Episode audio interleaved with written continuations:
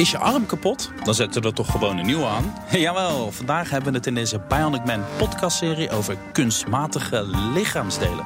En ik bespreek het weer met mijn vaste gasten, biohacker Peter Joosten en filosoof Peter Paul Verbeek. En je kan natuurlijk ook weer meelezen over de bionische mensen in het Financiële Dagblad. Elke zaterdag een nieuwe aflevering. Je dus ook die krant. Ja, zolang er mensen zijn die door ongelukken, ziektes, oorlogen, benen, armen of andere lichaamsdelen verliezen, maken we eigenlijk al protheses. Hè? Dus de bionische gedachte zat er al vroeg in.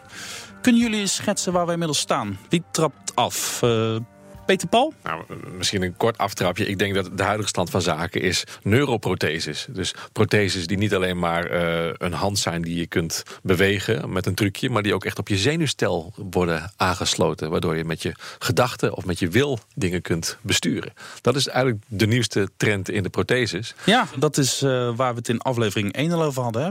Brein-computer interfaces. Ja, maar dat zou ook echt fysiek kunnen. Hè? Dus je kunt ook echt uh, je zenuwweefsel laten vastgroeien aan, aan, een elektrode... en daardoor een soort stopcontact op je uh, stomp maken, als het ware... als je je hand mist, waardoor je die hand uh, op een gegeven moment kunt aan, aan, ja, echt aansluiten op je, op je zenuwstel. Ja, en kan je dan ook voor elke actie die je wordt ondernemen... een andere hand aansluiten misschien? Ja, dat is ook direct het eerste waar ik aan dacht. Goeie, leuke.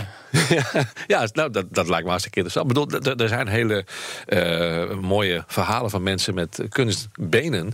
die juist ook uh, de mogelijkheid om van been te wisselen inzetten als een manier van in de wereld zijn. Als een soort mode. Net voor elke gelegenheid heb je een bepaald been met een bepaalde uitstraling, een bepaalde kleur. ja. Ik vind dat wel erg mooi, want het, het, het speelt met de, de norm van wat uh, normaal is en wat gehandicapt is. Ja. En het poogt eigenlijk die achterstand in een soort voorsprong om te zetten. Door gewoon niet te accepteren dat dat een achterstand moet zijn in deze samenleving.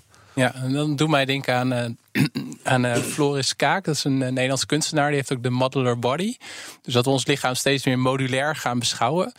En vorige week vertelde je volgens mij, Peter Paul, dat je bijvoorbeeld een, dat je pianist bent. Dus ik kan me voorstellen dat je misschien over, nou, dat je denkt van, hé, ik ga nu een stuk piano spelen, dus ik wil wel dit type hand nu hebben voor piano spelen. En ik ga nu, weet ik veel, boogschieten of jiu-jitsu doen en ik plug even een andere hand in. Gewoon dat we kijken, dat het steeds meer gaan. Net zoals je nu, nou, dat is eigenlijk niet, hadden vorige week over brillen.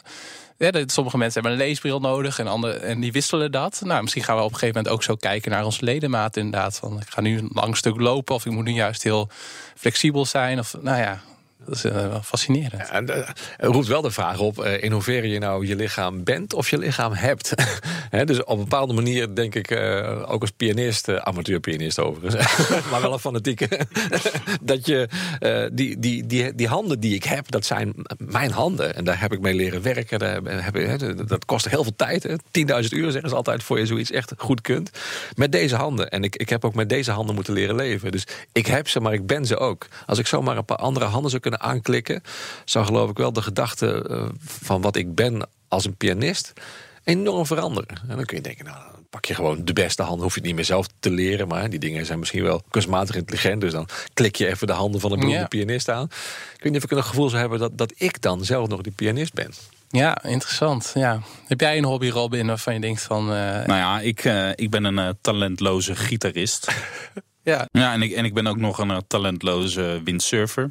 Dat is eigenlijk je, je vraag. Nou, bijvoorbeeld voor je gitarist, voor je gitaarspelen zou je dan ook uh, extra capaciteiten daarvoor willen hebben. Nou ik heb, uh, ik heb vooral een uh, dringende behoefte aan uh, talent eigenlijk. Ja, precies, ja. ik vraag me af of technologie dat voor mij kan oplossen hoor. Ik, maar ja, god, ja, jeetje, ik heb, er eigenlijk, ik heb er vooral heel veel lol aan.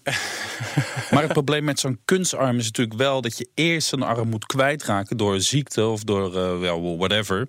Stel nou dat jij wordt benaderd door een partij om een mooie robotarm te laten installeren. en dan kan je nog veel meer mee dan wat je nu kan. Moet je wel je huidige onderarm inleveren.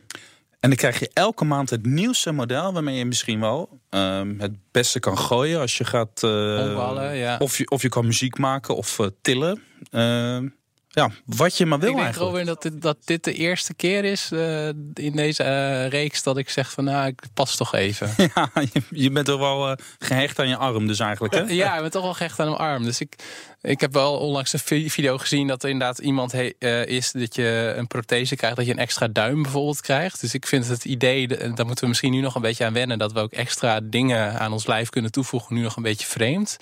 Maar ik kan me voorstellen dat inderdaad uh, een extra duim lijkt me af en toe best wel handig of zo. Of dat je, ja, misschien kun je in sommige beroepen ook voorstellen of dat je een extra arm erbij hebt, als voor een octopus. Uh, persoon wordt. Als je in een sorteercentrum bij de post werkt of zo. Er is een heel mooi voorbeeld van uit de kunst. Stellark, Australische kunstenaar, ontzettend inspirerende kunstenaar. Die heeft zichzelf ooit een, een, derde hand laten aanmeten. Een soort extra onderarm met een, met een hand erbij. Waarmee hij leerde schrijven. Waardoor hij ook met drie handen tegelijkertijd wilde leren schrijven. Eigenlijk vanuit de gedachte dat techniek ook een soort overbodigheid uh, heeft. Dus uh, hij ging uh, bijvoorbeeld het woord, wat is het ook, decadentie, decadence ging hij dan schrijven. Drie keer drie letters en met elke hand drie letters wow. parallel. Om eigenlijk een beetje te onderzoeken van ja, waarom twee en wat zou het met ons doen als we, als we drie handen hebben. Maar eigenlijk doet je vraag me ook denken aan nog een ander voorbeeld. Namelijk Pistorius, Oscar Pistorius. Heel veel mensen kennen dat voorbeeld denk ik wel. Dat is helemaal niet goed afgelopen die man. Die zit in de bak omdat hij zijn vriendin heeft doodgeschoten uh, in Zuid-Afrika. Maar dat is een, een atleet die zijn beide onderbenen verloren heeft. En protheses heeft gemaakt, zelf ontworpen, die verend zijn. Waarmee hij ontzettend hard kan rennen. En uiteindelijk werd hij zo goed in de Paralympics dat er eigenlijk niks meer aan was. En hij wilde meedoen met de gewone Olympische Spelen. Maar daar mocht hij niet meedoen. Interessant genoeg. Ja, dus interessant. Dus opeens was zijn handicap een voorsprong. Zei ze. Ja, maar. En, en zijn logica er tegenin was eigenlijk impliciet van... ja, joh, waarom is dit nou opeens niet meer toegestaan? Ik bedoel, jullie kunnen ook allemaal ervoor kiezen... om je eigen onderbenen te amputeren... en mijn protheses eronder te hangen. En dan staan we weer gelijk. Mooie Ja, manier om dat frame op te draaien. zeg maar. Het is inderdaad absurd. Maar eh, even serieus, hoe verfijnd is die besturing inmiddels? Eh, werkt het goed al? Ehm, met, met bestaande ledematen die vervangen worden, werkt dat volgens mij wel goed. Juist omdat ons brein heel erg eh plastide, plastide is. Dus dat we heel erg eh, makkelijk eigenlijk ons brein kunnen trainen. Waar we vorige week ook al hadden met nieuwe zintuigen. Dat, het, hè, dat gaat eigenlijk over input. En vandaag hebben we het eigenlijk over output. Namelijk het aansturen van ons brein voor extra dingen. Dat ons brein daar eigenlijk best wel goed in is. Ook eh, waar we het eerder ook over hebben gehad met brain-computer interfacing. Alleen eh, waar ik wel inderdaad nieuwsgierig naar ben, van kunnen we dan ook extra, inderdaad extra functies toevoegen? Dus ik ben ook wel benieuwd naar het Stellark voorbeeld van, hey, als je inderdaad één extra arm of twee extra armen, kan ons, kan ons brein dat allemaal aan? Of hebben we daar op een gegeven moment ook een upgrade voor nodig? Nou ja, volgens mij gebruiken we op dit moment een groot deel van ons brein niet. Dus volgens mij is er genoeg ruimte voor eh, nieuwe vaardigheden. Maar ik las in de voorbereiding eh, van, deze, van deze aflevering een leuk artikel over Britse onderzoekers. Zij hebben een hand ontwikkeld met een camera erop. Dus dat ding kan zien. En er zit ook nog eens kunstmatige intelligentie in. Dus je hand kan leren dat het bijvoorbeeld een biertje moet oppakken en naar de mond moet brengen. Nou, dat lijkt mij best wel een, eh, dat lijkt me altijd wel een goed idee. Handig. Nou, Ja, het is volgens mij eh, de vraag of die hand inderdaad zelf leert. Door te kijken om jou optimaal te helpen als hand. Of dat die hand jouw eigen gezichtsvermogen uitbreidt. Maar dan is ook de vraag of, of een hand wel de meest optimale plek is om nog, een- nog een extra oog te hebben. Ja, ja. Waar- waarom zou je dat willen? En het zou natuurlijk ook wel hele rare situaties kunnen opleveren. Als opeens we er niet meer op kunnen vertrouwen dat mensen met hun handen alleen maar dingen vastpakken en voelen. Maar ook nog kunnen, kunnen kijken met hun handen. Dat ik denk, het- is toch wel een hele radicale ingreep. Nou ja, ik moet toch weer denken aan die chirurg waar we het eerder over hadden. Een extra hand met een oog die meekijkt en handelingen kan verrichten. En als die eh, hand eh, of dat oog dan een dreigende situatie ziet, dan krijgt de chirurg een seintje. Ja. Ja, het, het, lijkt heel erg op je operatierobots. Ik heb wel eens een, een, een arts heel interessant horen vertellen dat hij voor een goede hechting het liefst drie handen nodig heeft. En die heeft hij nou dankzij zo'n eh, zo'n apparaat. Hè, waar je dus op, op afstand opereert via zo'n operatierobot. Dus in, in zekere zin is het er al in de vorm van een soort extern apparaat wat je aanstuurt met je eigen lijf. En dan zou je kunnen zeggen, ja, waarom niet als volgende stap gewoon het aan je eigen lijf koppelen met een, met een derde hand. Wel ja, we doen er gewoon een hand bij. Ja, precies. En ik zit ook te denken van. eh, ehm, dus dat je dat kan gebruiken waarin je heel erg dicht bij dingen moet met je hand. Maar ik kan me ook voorstellen dat het eh, in oorlogssituaties handig is. Dus als ik om de hoek, om de hoek wil kijken, dan kan ik met, dat nu met mijn hoofd doen. Maar of ik doe even met een vinger om de hoek, dat bijna niet te zien is. En dat ik dan op dat moment dat er dan een cameraatje in zit. Dus misschien zijn er ook in andere werksituaties of privé situaties dingen mogelijk met deze technologie die wij inderdaad nu nog helemaal niet kunnen voorzien. Dan oogt het een beetje willekeurig. dat zo'n camera dan op je, op, op, op, je, op je hand zou moeten zitten. Ik vind het geloof nog interessanter om te bedenken dat die protheses. Mensen in staat stellen om de dingen die ze normaal met hun handen doen, nog beter te doen. En dat je inderdaad nog beter kunt piano spelen. Of nog veel gevoeliger iemand de hand kunt schudden. Of als masseur. Of uh, nog veel beter iemand uh, kunt helpen die op bepaalde plekken pijn heeft of iets dergelijks. Er zit hem altijd voor mij in de subtiele interactie van waarnemen, voelen met je zintuigen. En tegelijkertijd ook iets, iets doen. Hè. Met die hand handel je letterlijk ook. en dat is uh, misschien wel de allergrootste uitdaging. Dat is heel subtiel. En er zijn robots bijvoorbeeld die mensen kunnen optillen uit hun bed, in een stoel kunnen zetten en weer in een bed kunnen leggen. Dat is waanzinnig ingewikkeld. De feedback die je krijgt als je iemand optilt is heel subtiel. Je kunt iemand heel makkelijk pijn doen. Ja. Dus uh, het is misschien wel de meesterproef voor, voor de techneuten om een kunstledemaat uh, te maken waar je niet alleen maar mee kunt voelen, maar die ook dat gevoel kan omzetten in zorgvuldig handelen. Ja, ik vind het grappig dat jij steeds de menselijke maat erbij haalt. Als we het over dit soort technologieën hebben. Elkaar een hand geven, een betere massage kunnen geven. En je maakt helemaal niet zulke grote sprongen. Gewoon, gewoon een beetje beter contact maken heb je het steeds over. Nou, ik denk dat dat wel een hele goede manier is om je uh, te verdiepen in nieuwe techniek.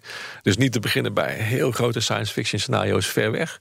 Maar meer heel concreet, hoe koppelen wij onszelf voortdurend aan nieuwe technologieën? Hebben we altijd al gedaan. Het begon met het schrift als het ware. Of nou, begon met het vuur en het wiel. Maar wat voor mens levert dat op? En hoe, hoe, hoe, hoe gaan we met elkaar om als we die nieuwe technologieën toepassen in ons dagelijks leven? Ja, het gaat er steeds over wat voor extra dingen we kunnen doen. Hè? En het klinkt soms ook een beetje bizar zelfs. Uh, en het gaat ook steeds over hoogwaardige technologie. Steeds het beste van het beste.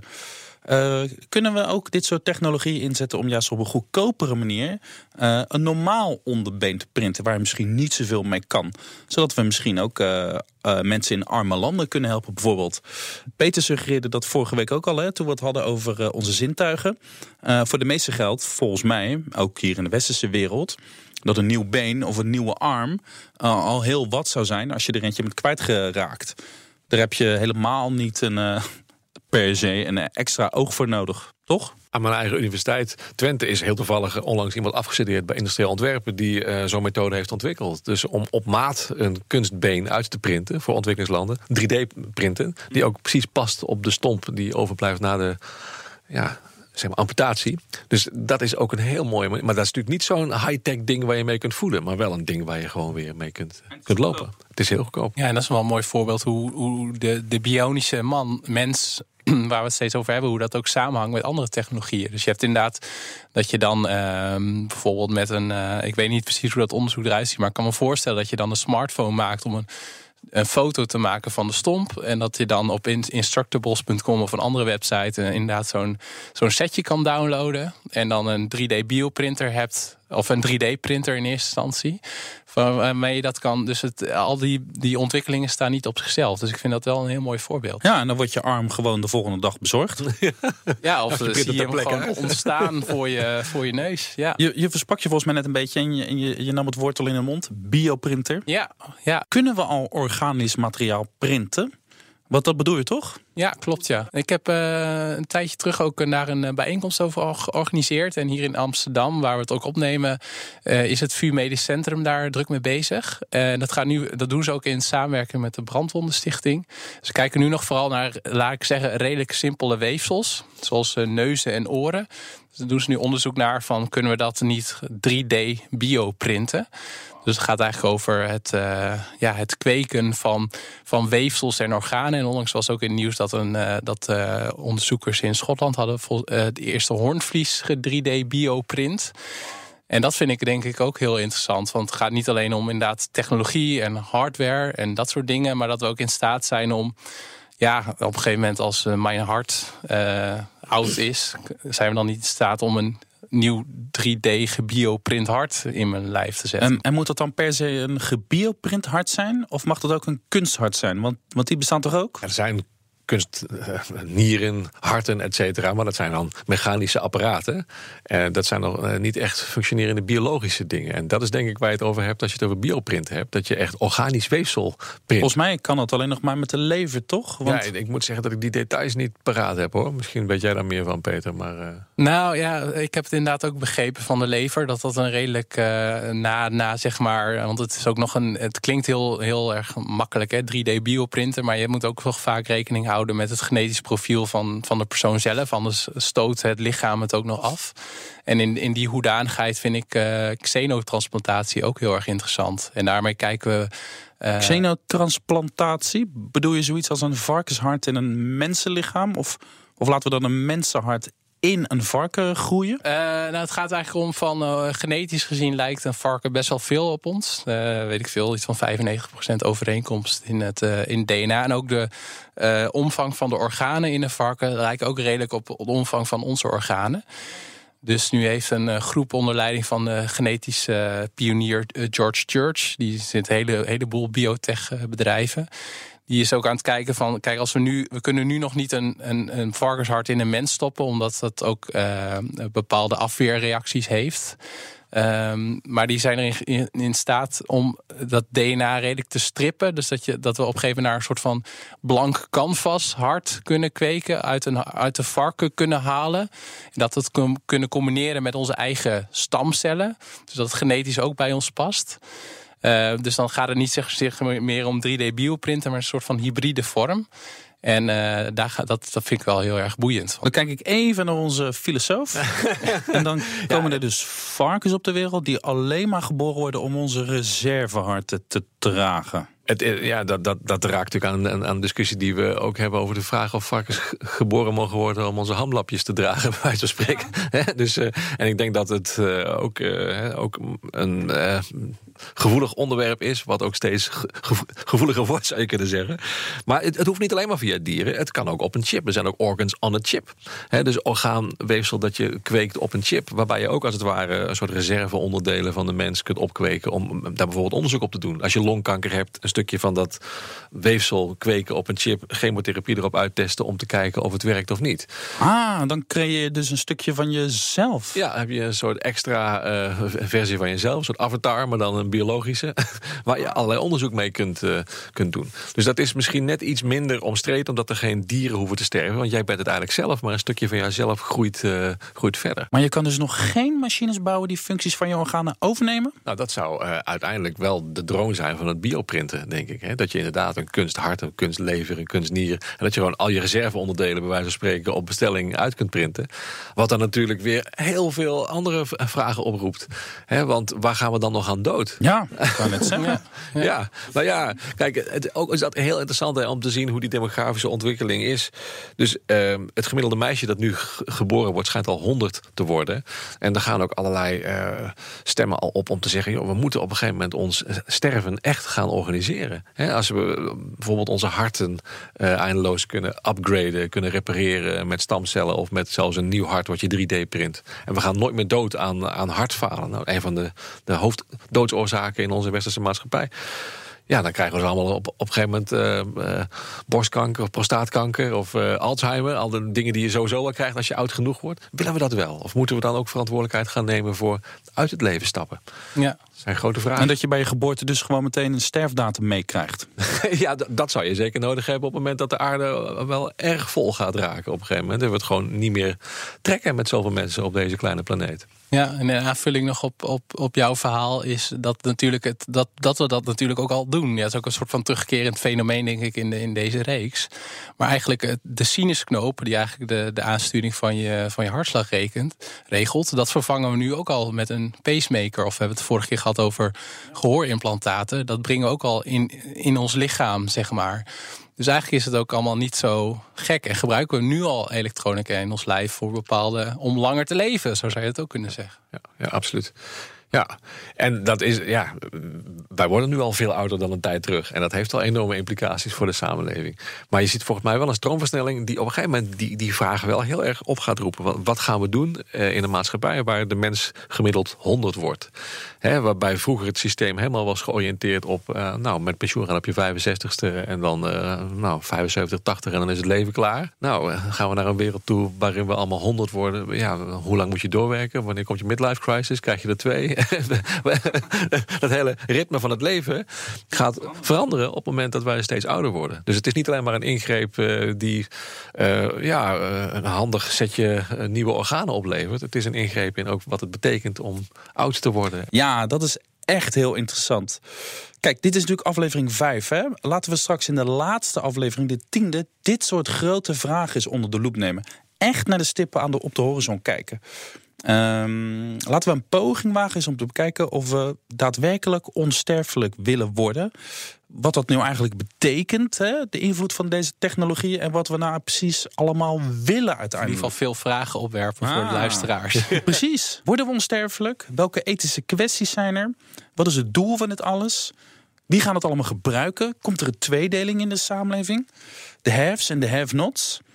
Um, nou ja, goed, dat doen we dan in de tiende. Volgende week, dat is misschien goed om alvast te vertellen, gaan we het brein verbeteren. Herinneringen uploaden, intelligentie toevoegen, dat soort dingen. Dank weer jongens. Peter Paul Verbeek, hoogleraar filosofie van mens en techniek aan de Universiteit Twente. En directeur van het Design Lab, ook in Twente. En Peter Joosten, doe-het-jezelf futurist, biohacker. Um, nou, tot volgende week gaan we het brein verbeteren. Uh, lees ondertussen ook mee in het uh, Financiële Dagblad. Want dan verschijnt er weer een nieuwe aflevering, elke zaterdag. En uh, volg ook de eerdere afleveringen die we hebben gemaakt in deze podcastserie via bnr.nl slash bionicman. Of Spotify of via iTunes. Lezen, luisteren. Tot de volgende keer.